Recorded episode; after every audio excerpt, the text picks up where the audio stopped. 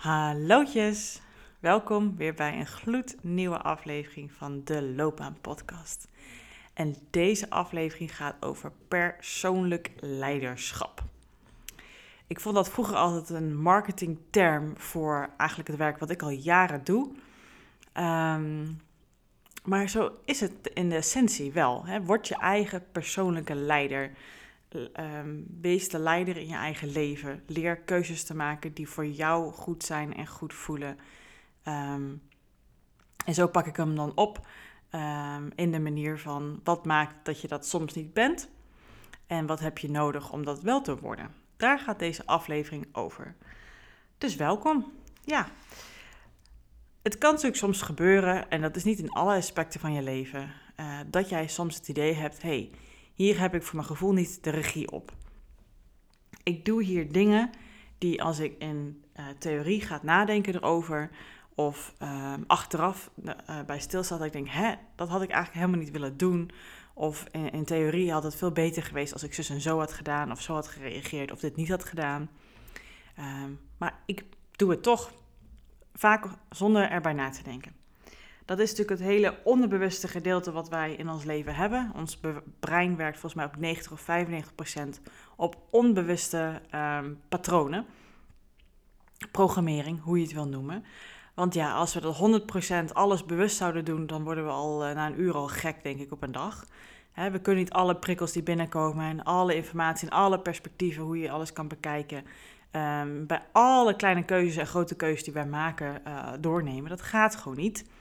Dus om het ons makkelijker te maken, uh, werkt nou ja, ons meestal ons gedrag op onbewuste patronen en programmering. En dat is echt fantastisch dat ons brein zo werkt. Um, maar weet ook dat dat dus op heel veel vlakken perfect werkt. Want zo kom je de dag door, zo uh, maak jij misschien gezonde keuzes, of ga je naar de sportschool, of uh, heb je naar je zin op je werk, net, net wat het is. Maar op de elementen waar jij dus iets doet, waar je achteraf denkt, hé, kak, ik heb het weer gedaan, of in theorie, um, had ik het anders gewild. Of als de buurvrouw me dit had verteld of vriendin me dat had verteld, had ik al lang geweten wat ze hadden moeten doen. Hè, waar ik het ook in de vorige aflevering een stukje over had. Daar zit natuurlijk een heel stuk onbewust uh, wat jij wel doet, maar niet wilt. En dat heeft dus wederom te maken met jouw programmering. En daar ben je dus op dat vlak niet jouw persoonlijke leider. Want een persoonlijke leider laat niet zomaar dingen automatisch gebeuren en, en baalt er achteraf van. Nee, die pakt leiderschap, die pakt regie, die pakt het, het voortouw, het initiatief en die doet er wat aan. En natuurlijk wil iedereen dat heel graag zijn. Je eigen persoonlijke leider in jouw leven.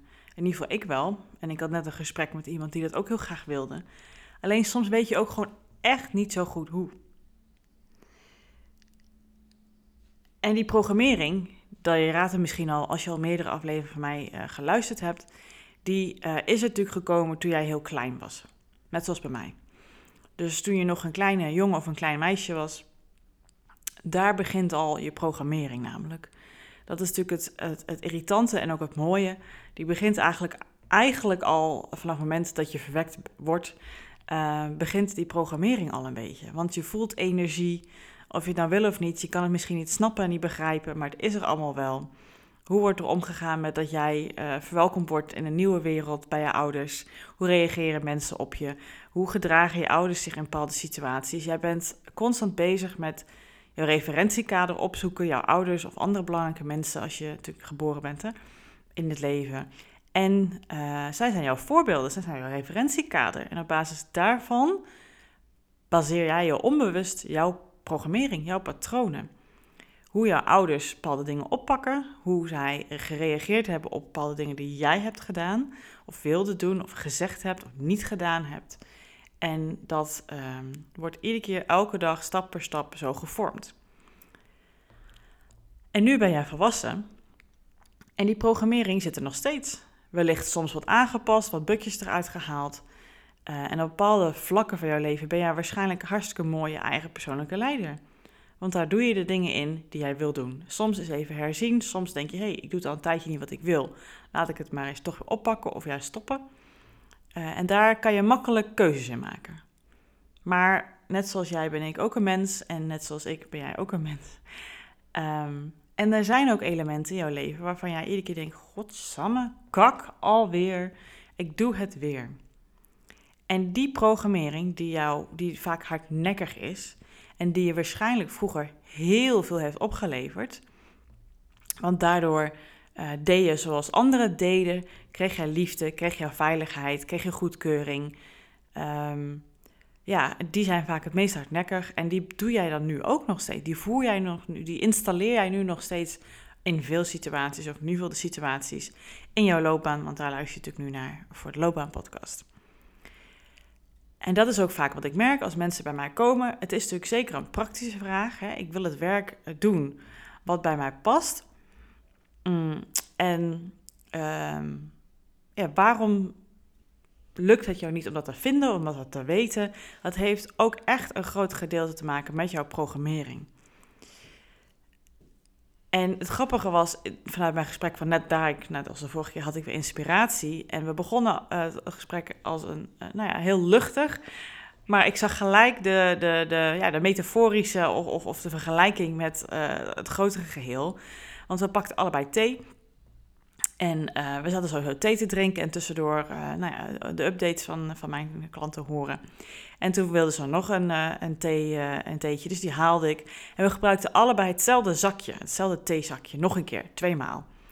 En ik maakte zo'n grapje erover dat ik vroeger opgegroeid ben met dat mijn ouders, want hun ouders kwamen natuurlijk, hebben de oorlog meegemaakt. Uh, en er waren heel zuinig, zuinig met alles. En uh, knipten de bonnetjes van de boterpakjes, als je dat zelf misschien nog weet van jouw uh, nou ja, opvoeding. Of dat je ouders dat deden. Of uit de kranten, die zegeltjes. Of nu met sparen in de supermarkt, bepaalde dingen. En dan hadden we zo'n la vol met al die zegeltjes. Um, en ook dus met theezakjes waren we ook net zo zuinig. En soms gebruiken we hem wel eens drie keer. en dan laat je hem lekker erin hangen. En toen zei ik ook zo tegen haar. Ik zeg, ja, dit is ook weer zo'n voorbeeld van een heel klein voorbeeldje van hoe je dus iets waar je vroeger mee opgegroeid bent, en dit zit je natuurlijk niet in, zo erg in de weg, hè, uh, maar die je dus onbewust doet. Ik sta niet eens stil bij het feit dat ik misschien bij mijn thee, tweede theekopje een ander smaakje zou willen. Of dat ik er misschien gember in wil, of munt, misschien niet in zijn zakje, maar iets anders. Of dat ik gewoon zonder smaakje het wil, maar gewoon iets warms wil. Of wie weet, een heel ander uh, drankje wil. Misschien gewoon water of chocolademelk of koffie.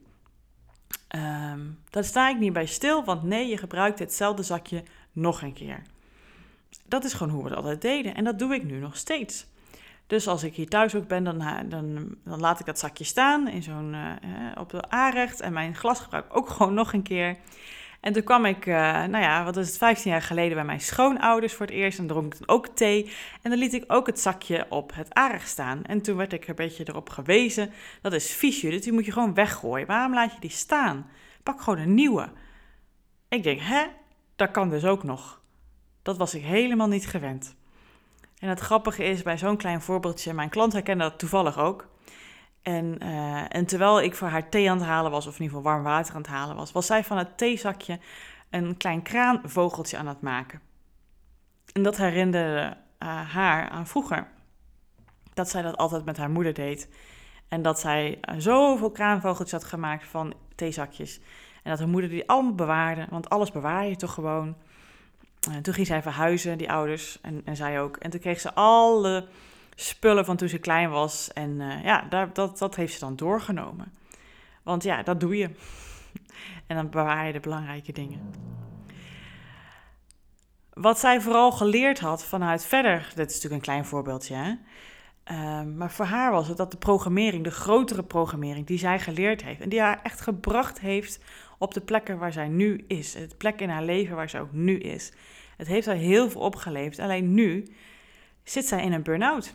En dat heeft voornamelijk te maken met die programmering. In haar geval had zij geleerd dat zwoegen, doorwerken, niet lullen maar poetsen, wat jij misschien ook wel kent, heel goed werkt. Want dat deed haar vader heel veel.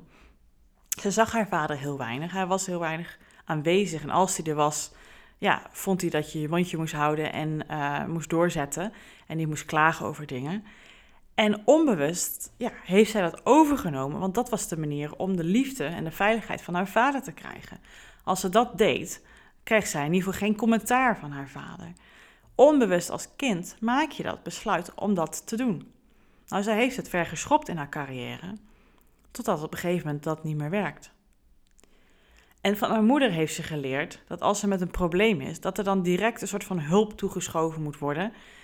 En dat dat maar gewoon gelijk geïmplementeerd moet worden. Er werd wel geluisterd en er werd begripvol gereageerd met in, de, in het hoofd van haar moeder nadenkend over welke oplossing kunnen we hierop plakken zodat het weer opgelost is. Zodat we weer, weer door kunnen gaan, weer verder kunnen gaan. En bam, er kan een vinkje op en een strik eromheen, want we hebben er toch aandacht aan gegeven.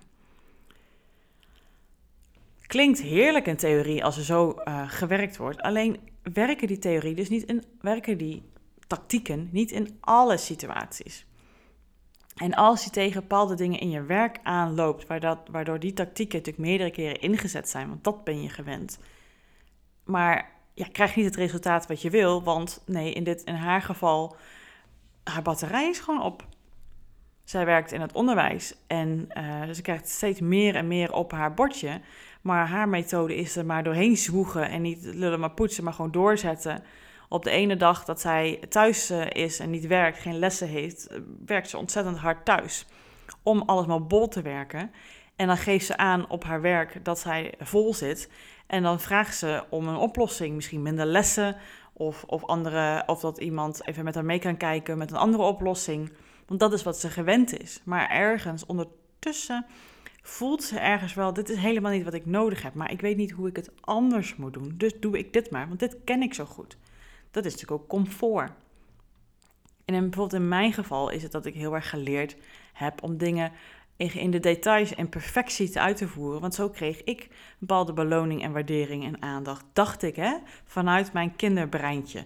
Want als je nu in gesprek zou gaan, als ik nu in gesprek zou gaan met mijn ouders daarover, willen ze dat helemaal niet dat ik dat zo opgepakt heb. En dat geldt ook voor mijn klant. Zij heeft die gesprekken ook met haar ouders gevoerd en zij hebben het heel anders ervaren. Bepaalde dingen hoe zij die ervaren heeft. Maar zo gaat het. Zo heeft zij dat beleefd.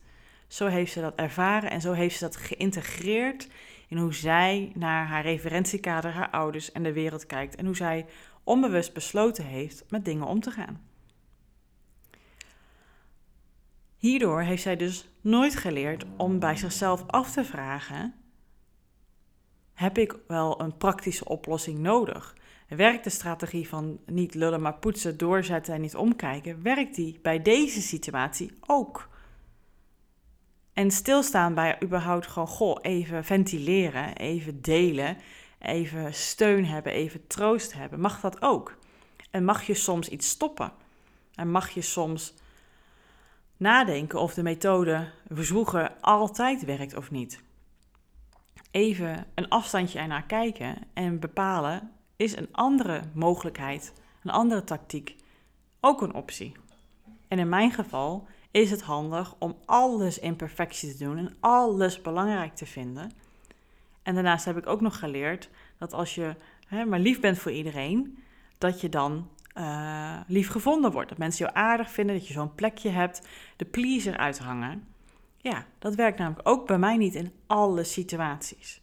Ik durf hardop te zeggen en ik geloof er ook in en ik ben er trots op dat ik door mijn opvoeding en mijn manier van dat zo interpreteren, mijn programmering, nou, geworden ben wie ik ben, waar ik dus trots op ben en ook een hele goede coach ben daardoor. Ik ben een nog betere coach geworden doordat ik die patronen heb onderzocht en heb bedacht dat werkt niet altijd. Er zijn ook andere mogelijkheden en daardoor dus ook andere mensen bij helpen. Ik kreeg ook altijd hulp bepaalde dingen, maar dat had ik niet altijd nodig. Soms wilde ik ook troost en medeleven en dat ik het zelf mocht uitdokteren wat ik nodig had, dat ik daarbij stil mocht staan. En daar zit ook de overlap met mijn klant van vandaag. Ja, wilde ik eigenlijk wel hulp? Soms is het gewoon even we laten het even zoals het is. Ik kom misschien later met een oplossing. Vertrouwen hebben in dat het echt wel goed komt. Dat je niet direct met een oplossing moet komen, met een resultaat, met een reactie. Dat het soms ook even goed is om het even niet te weten. En even te sudderen en mijmeren op wat heb ik eigenlijk nodig? Wat zou ik het liefste willen? Dat je daar echt op mag vertrouwen dat het zelf gaat gebeuren. Intussen heb ik dat geleerd dat dat dus ook een mogelijkheid is. Zo heb ik dus meerdere mogelijkheden voor mezelf kunnen creëren en dan kan ik iedere keer in elke situatie bedenken welke werkt hier het beste bij. Dat gun ik jou natuurlijk ook en dat gun ik mijn klant ook. Want daar zijn we samen tot realisatie gekomen. Vroeger als kleinkind heb je die onbewust die keuzes gemaakt. Als ik dit doe, krijg ik dus wat ik heel graag wil. En dat doe je dus nu nog steeds, maar het werkt dus niet heel erg. Wat zou dan een andere optie zijn? Een soort van deurtje nummer drie. Niet de deur van je vader of de deur van je moeder, maar een deurtje nummer drie. Je persoonlijke leiderschapsdeur, uh, as you will. Wat zou daar nog achter schaal kunnen zitten? Welke opties zijn er nog meer? Dat als iemand zegt: hey, ik weet het eventjes niet, ik kom er niet uit, dat je dan niet gelijk zegt: uh, dat, uh, dat, dat snap ik niet, dan ben je dom, je moet gewoon doorzetten, dan leer je het wel. Of nee, dan ga ik je gelijk helpen, ik los het voor je op, ik neem het voor je over. Of, oh, dan moet je even bijles hebben, of dan moet je even naar die persoon gaan. Of dat diegene juist helemaal geen hulp door te vragen, want geleerd dat het helemaal in een eentje moet oplossen. Maar ondertussen, ik denk dat je het ook wel weet, merk je ergens, eh, het knaagt een beetje, deze methode werkt eigenlijk niet altijd. Weet dat er altijd meerdere opties zijn. Die zijn alleen nieuw. Die ken je niet zo goed. En dat gaat ook een beetje tegen draad in die programmering die, jou die jij hebt. De manier hoe je het altijd gedaan hebt, de comfortzone die jij kent vanuit het ouderlijke huis waar jij uh, in opgegroeid bent. Als je dus namelijk met nieuwe opties aan de slag probeert te gaan, dat durft die stapjes daarin te zetten, trek je een beetje aan die loyaliteit die je hebt naar je ouders toe. Maar soms moet je wel. En als jij nu merkt dat dat jou wel vaak parten speelt, is dat goed is om dat te onderzoeken. Wat zit er dan in mijn programmering? Wat, wat zijn mijn programma's die ik meestal in meerdere situaties inzet en waarbij ik sommige situaties merk dat die niet zo goed werken. En probeer eens na te denken, zou iemand anders die een andere programmering heeft, misschien eens anders met deze situatie omgaan? En hoe zou dat zijn als je dat eens probeert in kleine stapjes uit te oefenen in je eigen leven? Dat is heel spannend, dat weet ik, maar dan krijg je mogelijk wel een ander resultaat. En wie weet durf je dan wel stap voor stap toch te doen wat je eigenlijk stiekem heel goed voelt, maar heel nieuw is. En stappen te maken in jouw loopbaan. Zodat je niet steeds weer tegen hetzelfde uit uh, aankomt. En dat maakt, als je dat durft, want dat is stoer hè. Daar is lef voor nodig, daar is moed voor nodig. En ik hou van die mensen die dat doen. En ik hou ook van mezelf als ik dat doe. Ik hou eigenlijk altijd wel van mezelf tegenwoordig. Maar dan extra. Dat vind ik namelijk zo tof als iemand dat doet. Heerlijk. En ik hoop dat jij dat ook durft. Ik kan je er zeker bij helpen. Maar ik denk dat jij ook gedeeltes heel goed zelf kan doen. Want dat maakt jou een persoonlijke leider. Maar een persoonlijke leider maakt het ook van jou om af en toe bij bepaalde plekken wel om hulp te vragen. Maar dan hulp die jij wil en die niet opgedrongen wordt. Maar hulp omdat jij denkt, en nu is het tijd. Denk daar maar eens over na. Mij heeft in ieder geval vandaag geïnspireerd dat ik nou ja, dat mocht begeleiden bij mijn klant. Ik krijg er helemaal energie van, misschien merk je dat ook wel. Ehm, ja, dat. Dus dat wilde ik heel graag met jou delen in deze aflevering. Ik hoop dat het jou iets gebracht heeft. Dat is altijd mijn doel, dat ik iets met jou deel. Mocht dat zo zijn, ik hoor zo graag van jou wat dat is. Je kan mij bereiken op mijn Instagram, uh, Keuzeflow, of een mail sturen naar Judith@keuzeflow. En daarnaast ben je altijd nog steeds meer dan welkom als je gaat naar www.keuzeflow checkup, gewoon de woorden achter elkaar zonder streepje. Daar kan je namelijk een half uur tijd bij mij inboeken op een telefonische manier. Dat ik een stukje met jou mee kan denken. Want een half uur tijd uh, hebben, kunnen wij samen al heel veel uithalen. Om eens te onderzoeken hoe jij ja, eerste stappen kan zetten om je eigen persoonlijke leider te worden op de punten waar dat nu nog niet het geval is. Oké, tot de volgende aflevering. Dag.